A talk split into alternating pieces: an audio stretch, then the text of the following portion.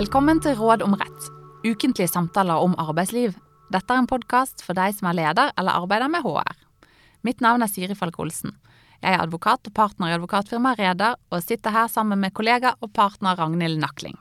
Dagens tema er fastsettelse og endring av ferie. Ragnhild, du er leder i et byggefirma med mange utenlandske arbeidstakere som oppholder seg i Norge i faste perioder før de har friperiode i hjemlandet sitt. Sommerferien er rett rundt hjørnet, og det er bestemt når de ansatte i virksomheten skal ta ferien sin. Men så oppstår det en uventet hendelse. Idet vi alle trodde koronapandemien var helt på hell, viser det seg at vaksinene ikke beskytter mot den indiske mutanten, og de norske grensene stenges hermetisk. Nå kan ikke de ansatte fra utlandet komme til landet, selv om de overholder karantene og bor på karantenehotell. Pga. prosjektene dere har gående, har du rett og slett ikke mulighet til å gjennomføre ferieavviklingen som planlagt. De ansatte som oppholder seg i Norge, må gå på jobb i stedet. Kan du endre ferien, og kan du gjøre det så kort tid i forveien? Sannsynligvis. Men du må sjekke at alle vilkårene i ferieloven paragraf 6, tredje ledd, eller tredje avsnitt kan man si, er oppfylt. For det er der reglene om endring av ferie står. Men før vi går mer inn på reglene om endring av ferie, kan ikke du si litt om hvordan man i utgangspunktet fastsetter ferien til de ansatte? Jo, alle arbeidstakere har krav på fire uker og én dags ferie etter ferieloven.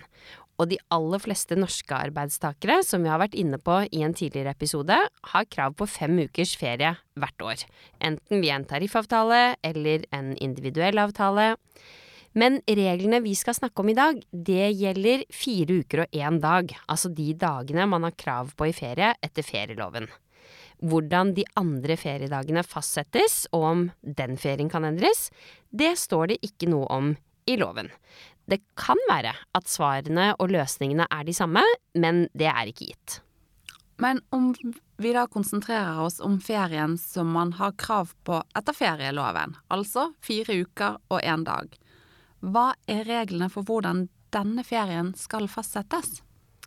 De reglene står i paragraf seks. Her står det både om hvem som bestemmer når ferien skal tas, og på hvilken måte man skal gå frem når man fastsetter ferien. Og hvem er det egentlig som bestemmer her? Det er til syvende og sist arbeidsgiver. Arbeidsgiver alene, da? Både ja og nei. Arbeidsgiver bestemmer til slutt, og arbeidsgiver kan pålegge ferieavvikling.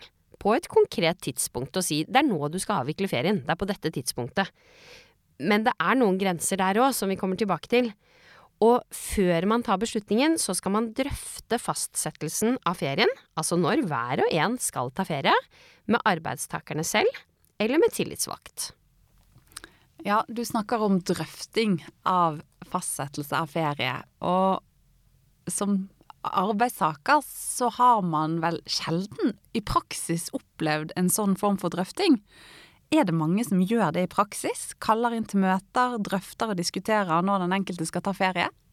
Nei, jeg tror ikke det er så mange som gjør det sånn i praksis. Det er nok et godt eksempel på at det som står i ferieloven, ikke er alltid sånn det fungerer. Som oftest så sender nok arbeidsgiver ut en liste, eller sier at der ligger listen som man kan skrive seg på, eller ber arbeidstakerne komme med ferieønsker for sommerferien, og så treffer arbeidsgiver en beslutning ut fra dette, og anser det for å være drøftelser. Jeg tenker også at man kan kalle det for eh, drøftelser, i et litt sånn utvidet begrep. Man må ikke ha egne møter og snakke med hver enkelt. Men som oftest så kommer ikke spørsmålet på spissen. Min erfaring er jo at arbeidsgiver og arbeidstaker kommer til enighet her, sånn at man glemmer nesten at det er arbeidsgiver som bestemmer når en arbeidstaker skal ta ferie. Du var inne på at arbeidsgiver bestemmer tidspunkt for ferieavviklingen etter å ha drøftet, men innenfor visse grenser. Hva mener du med disse visse grensene? Hva slags begrensninger ligger her? Det er noen begrensninger som står i ferieloven. Det står i ferieloven paragraf 7. Og der står det annet at arbeidstaker kan kreve å få avviklet tre ukers sammenhengende ferie i det som kalles hovedferien og at restferien, som er det man da har igjen, da, én uke og én dag etter ferieloven, det kan man kreve at avvikles sammenhengende en annen gang i løpet av året. Og denne perioden for hovedferie den går fra 1. juni til 30. september, er det ikke sånn? Det stemmer. Det går jo Hovedferieperioden er i de månedene hvor det er mest naturlig å avvikle sommerferie, selv om de aller fleste av oss vel egentlig foretrekker å ha den ferien i juli og eller august. Og er det sånn at alle kan kreve disse tre eh, ukene sammenhengende? Nesten. Nesten alle arbeidstakere kan det. Men hvis du begynte jobben etter 15. august, kan du ikke kreve det. Men jeg vil likevel si at som praktisk hovedregel så kan nesten alle kreve det. Og fra arbeidstakers ståsted, er det sånn at arbeidstaker må ta tre uker sammenhengende ferie i denne sommerperioden? Nei, ferieloven har lagt opp sånn at dette er noe som arbeidstaker kan kreve, men arbeidstaker må ikke kreve det. Og arbeidsgiver har heller ingen plikt til å sørge for at arbeidstakerne avvikler ferie på akkurat denne måten. Samtidig så gir ikke loven arbeidstakere krav på å kreve ferien avviklet på noe annet vis. Så om eh, en arbeidstaker sier at nei, men jeg vil helst ha fire dager der, og så vil jeg ha tre dager der, og tre dager på et annet tidspunkt på året, så kan man godt si det, og arbeidsgiver kan godt innvilge det. Men arbeidsgiver kan også si nei, og si at nei, i vår virksomhet så skal ferien avvikles mer sammenhengende. Ok, og la oss si at en arbeidstaker ønsker å avvikle tre uker sammenhengende sommerferie fra midt midten av august. Har personen krav på dette? Det har ikke den arbeidstakeren krav på, fordi at det er arbeidsgiver som bestemmer når i hovedferieperioden de tre ukene skal avvikles. Så i prinsippet så kan arbeidsgiver si at beklager, eh, du skal selvfølgelig få disse tre ukene sammenhengende med ferie, men du må avvikle de fra midten av juli, altså en måned tidligere. Og det må arbeidstaker i så fall akseptere. Men det avhenger her selvfølgelig mye av sant, størrelsen på virksomheten, hva slags arbeidsoppgaver det gjelder. Noen ganger så er det enkelt å etterkomme arbeidstakernes ferieønsker, mens andre ganger så kan det være mer vanskelig, og da er det greit å huske at det er arbeidsgiver som bestemmer. Og hva med denne restferien du var inne på? Hva har arbeidstaker krav på her? Restferien, det er jo det som går over de tre ukene, og det er da én uke og én dag, siden ferieloven gir rett til fire uker og én dag. Og det arbeidstaker har krav på da, det er å få avvikle de seks feriedagene i sammenheng. Arbeidstaker, eller én uke og én dag er mest korrekt å si, da. Men, og arbeidstaker kan jo ønske, men heller ikke bestemme der når på året den uken skal avvikles. I praksis så tror jeg nok at selv om de fleste har rett på å få avvikle denne sammenhengene, så tror jeg nok kanskje de aller fleste deler opp disse siste feriedagene, og avvikler noe i forbindelse med jul, kanskje noe i forbindelse med påske. Og det er helt i orden så lenge det er avtalt med arbeidsgiver. Og hva så med de ekstra feriedagene som de fleste har gjennom tariffavtale, arbeidsavtale eller som arbeidsgiver har innført ensidig? Altså da tenker jeg på etter loven har man fire uker pluss en dag, men i praksis har mange fem ukers ferie, kanskje i henhold til en tariffavtale. Hvem er det som bestemmer når disse dagene skal avvikles? Mm. Det kommer an på hva som er avtalt. Litt kjedelig juridisk svar blir en konkret vurdering. Man må da se på tariffavtalen, den individuelle avtalen, eller hva som er praksis i virksomheten, for å kunne si noe om hvem som bestemmer, og når de må avvikles. Min erfaring er vel at det veldig sjelden står noe om hvordan denne, disse dagene skal avvikles. Og hvis det ikke står noe, noe sted. Er det da naturlig å følge systemet i ferieloven, tenker du? Altså at disse dagene kan kreves avviklet i én bolk? Ja, det tenker jeg. Og det er egentlig av to grunner. Altså For det første så gir det jo en forutsigbar regel å basere seg på ferielovens system, og når det ikke står noe annet i disse avtalene, eller kanskje det ikke fins en avtale engang, det er bare praksis, så, så, er det logisk og forutsigbart. Og for det andre så sikrer det jo hensynet bak reglene med ferie, da. Formålet, grunnen til at vi har de reglene. Nemlig at man skal i hvert fall en viss utstrekning gi arbeidstakere sammenhengende hvile og fri og avveksling fra arbeidet, og det oppnår man best hvis man da avvikles, avvikler disse dagene, da, sammenhengende. Så de generelle begrensningene for arbeidsgiver, de står i ferieloven paragraf 7, finnes det noen andre begrensninger man bør passe på? Det gjør det. Man står jo, som lytterne sikkert har skjønt for lengst, ikke helt fritt som arbeidsgiver heller når man skal fastsette ferien. Og paragraf 8 og 9 i ferieloven de begrenser også arbeidsgivers styringsrett når det gjelder å bestemme når en arbeidstaker skal ta ferie både paragraf 8, som gjelder ferie når en arbeidstaker er i oppsigelsestid, og paragraf 9, som gjelder ferie når en arbeidstaker er eller har vært syk. Det kan fylle en hel episode i denne podkasten vår, så jeg nøyer meg egentlig med å vise til de bestemmelsene nå, jeg, og så kommer vi tilbake til de en annen gang. Og hva med den ekstra ferieuken som ansatte over 60 år har? Eh, gjelder de samme reglene om fastsettelse og endring av ferie for disse dagene, denne ekstra uken? Nei, der har faktisk lovgiver sagt at de over 60, de skal få bestemme litt mer selv. Eh, så der bestemmer arbeidstaker når man skal ta den ferien, og om man skal ta den samles, eh, samlet eller i enkeltdager. Nå har vi snakket litt om hva slags begrensninger som finnes med tanke på hva arbeidsgiver kan bestemme om ferien. Men så er det jo også noen regler om fremgangsmåten for fastsettelse av ferie. Man skal drøfte i god tid på forhånd. Hva betyr egentlig det? Ja, det hadde jo vært litt enklere her om loven satte en bestemt frist, men da hadde vel vi, Siri, også hatt litt mindre, mindre jobb. Eh, man må tolke dette. Man må i hvert fall drøfte i så god tid, tenker jeg, at arbeidstaker får en reell mulighet til å legge planer for ferien.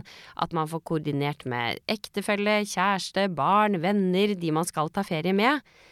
Og så må man sørge for å ha drøftet og ha besluttet ferien før to måneder før, eller innen to måneder før ferien begynner. Og hvorfor det? Hvorfor en sånn absolutt tomånedersregel? Det er fordi at det står i ferieloven at arbeidstaker kan kreve å få beskjed om når ferien skal avvikles. Tidligst mulig, står det, og senest to måneder før ferien, før ferien begynner. Og da må jo arbeidsgiver ha bestemt seg før to måneder før ferien skal tas, for å kunne oppfylle det kravet. Men det betyr samtidig at ferieloven den sier ikke at arbeidstaker må få beskjed to måneder før, men bare at han eller hun kan kreve det. Ja. Er det sånn? Ja, det stemmer. Og så står det også i ferieloven at om det foreligger særlige grunner, da kan ikke arbeidstaker kreve å få beskjed to måneder før. Hva, hva vil typisk være sånne særlige grunner som gjør at man kan få litt lengre tid på seg som arbeidsgiver? Det må i hvert fall være noe som har vært uforutsett for arbeidsgiver. Eh, og i fjor så slo Arbeids- og sosialdepartementet fast at koronapandemien, ikke så veldig overraskende, var en slik særlig grunn som gjorde at man som arbeidsgiver kunne gi beskjed kortere tid før ferie enn to måneder før. Og hva skjer om arbeidsgiver ikke drøfter og ikke gir beskjed, altså underretning som det heter i loven, selv om arbeidstaker har bedt om det? Hva, hva, hva slags konsekvenser har det? Eh, faktisk ikke så mange. Det skjer faktisk ikke så mye. Dette er ordensregler, eh, som man kaller det. Eh, det å bryte dem, det gir ingen reaksjoner. Det fører ikke til at f.eks. arbeidsgivers beslutning om ferieavviklingen blir ugyldig. Men er ikke det litt rart at det ikke får noen konsekvenser å bryte loven på disse punktene? Jo, det kan du si, og det tenker jeg, og det, det viser i hvert fall at ferie er jo da ikke gitt helt det samme vernet av lovgiver som eksempel arbeidstid, der vi har veldig mange veldig detaljerte og, og regler som, for å være helt ærlig, det, det, kan være nesten vanskelig å la være å bryte noen ganger. Eh, men det å bryte disse reglene, det er jo underlagt både at man kan bli ilagt bøter som arbeidsgiver, og også straffansvar. Men det gjelder altså ikke da disse reglene om ferie. Nå har vi snakket en god del om fastsettelse av ferien, hvem som bestemmer, eh, og hva som legger begrensninger på, på det som kan bestemmes. Og I eksempelet i starten av episoden så hadde jo arbeidsgiver fastsatt ferien, men så oppsto det et behov for å endre ferien pga. at de arbeidstakerne som skulle komme til Norge og arbeide, ikke hadde mulighet til å komme likevel. Og for å komme oss litt tilbake til det eksempelet, kan du si noe om hva arbeidsgiver må gjøre for at det skal være ok å endre ferien i et sånn type tilfelle? Ja, strengt tatt så er det ikke noe spesielt arbeidsgiver må gjøre, men det er noen vilkår som arbeidsgiver må vurdere om er oppfylt. Så det arbeidsgiver i hvert fall må gjøre, da, det er å gå i loven, og gå i ferieloven paragraf 6, tredje ledd eller tredje avsnitt. Og først så må man undersøke om har arbeidstaker fått beskjed om når ferien skal avvikles, underretning, som du jo var inne på at det står i loven. Og hvis de ikke har fått sånn beskjed, da kan man endre ferien helt uten problemer. Men hvis arbeidstakerne i dette eksempelet hadde fått beskjed, da er det fire vilkår som må være oppfylt, de er kumulative, dvs. Si at alle må være oppfylt, for at ferien skal kunne endres. Og de må være oppfylt uavhengig av hvor lang tid det er igjen til selve ferien.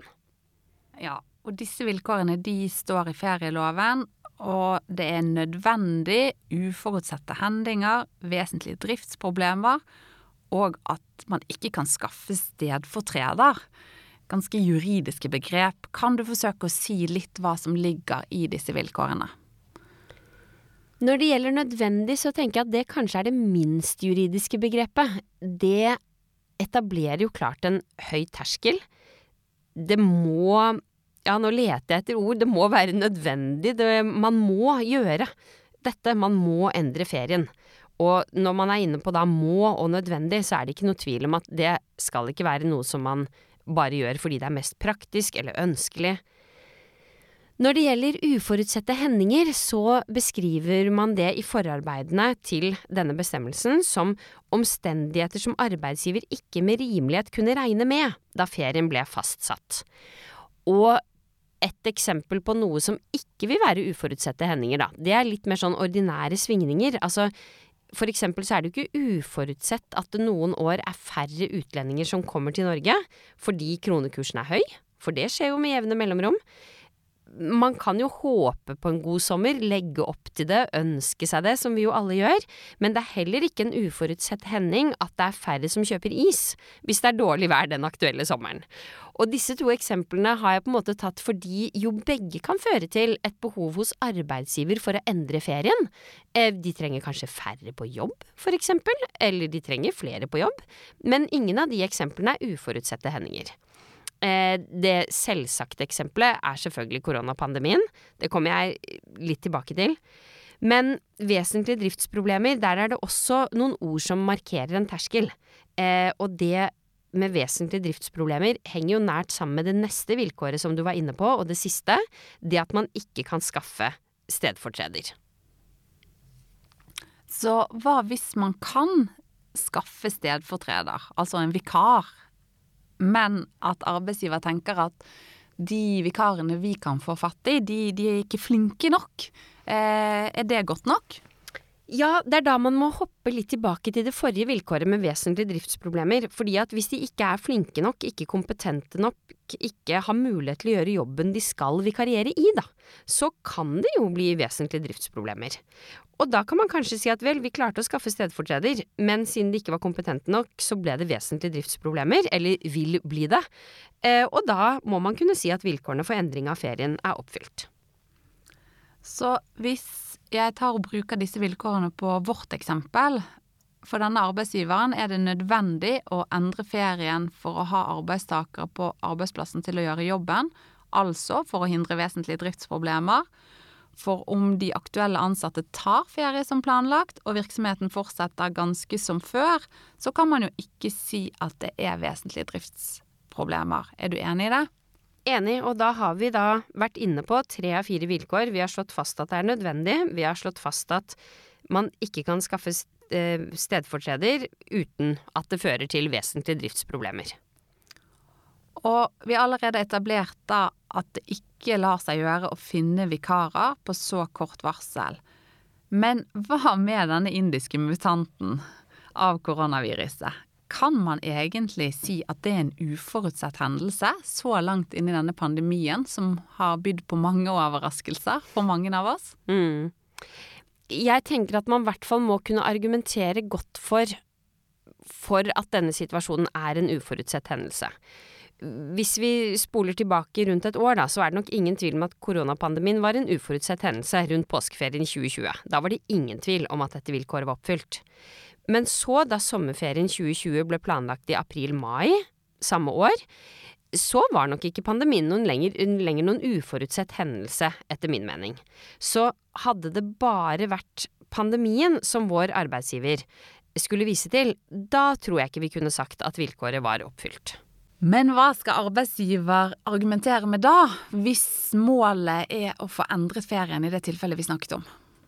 Det arbeidsgiver må argumentere med her, er at det er ikke pandemien i seg selv som er en uforutsett hendelse, og heller ikke dette med den indiske mutanten, fordi mutanter har vi nå også vært gjennom en god del i løpet av det siste året det som er den uforutsette hendelsen her, det er at grensene stenges helt hermetisk. Fordi selv om utviklingen i Norge har gått i stadig strengere retning, fra tillit til at folk gjennomførte karantene hjemme, til karantenehotell, men det at ingen som er bosatt i utlandet skal få reise inn til Norge i det hele tatt, det mener jeg man må kunne si at vil være en uforutsett hendelse, sånn som situasjonen er nå. Man kan nok diskutere det, men dersom arbeidsgiver ønsker å endre ferien, så er det i hvert fall i de baner, da, eh, argumentasjonen må gå. Og hvis man så skal endre ferien, i et sånt tilfelle som vi snakket om i starten, hvordan skal arbeidsgiver gå frem på en riktig måte overfor de ansatte som, som da har planlagt ferien sin? Det står også i loven. Da skal man drøfte med arbeidstaker, tillitsvalgte kan bistå, og så treffer man beslutningen. Og er det noe spesielt arbeidsgiver skal være oppmerksom på i, i sånne situasjoner? Ja, det er at arbeidstaker kan kreve erstatning for merutgifter som er det som det står i loven nærliggende følger av at ferien endres.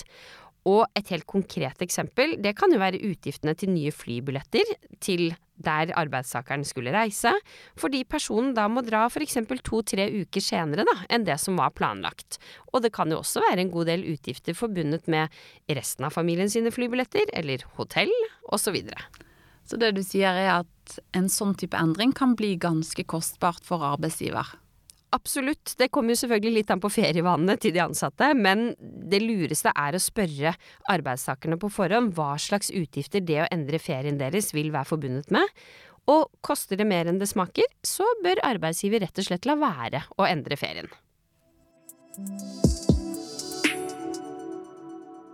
Så for å avslutte, som vanlig tre tips til arbeidsgivere om dette temaet fastsettelse og endring av ferie. Det første tipset det er at det er du som arbeidsgiver som bestemmer når arbeidstakerne skal ta ferie, innenfor visse rammer.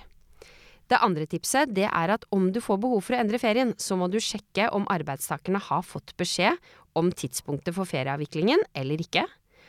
Og om de har fått beskjed, så må du sjekke om vilkårene for endring av ferien er oppfylt, og det blir vel egentlig fire tips. Sjekk hvor mye det vil koste å erstatte merutgiftene som vil påløpe ved å endre ferien, før du tar endelig beslutning. Det var det vi hadde. Takk for i dag. Vi kommer tilbake med nytt tema og nye tips i neste episode.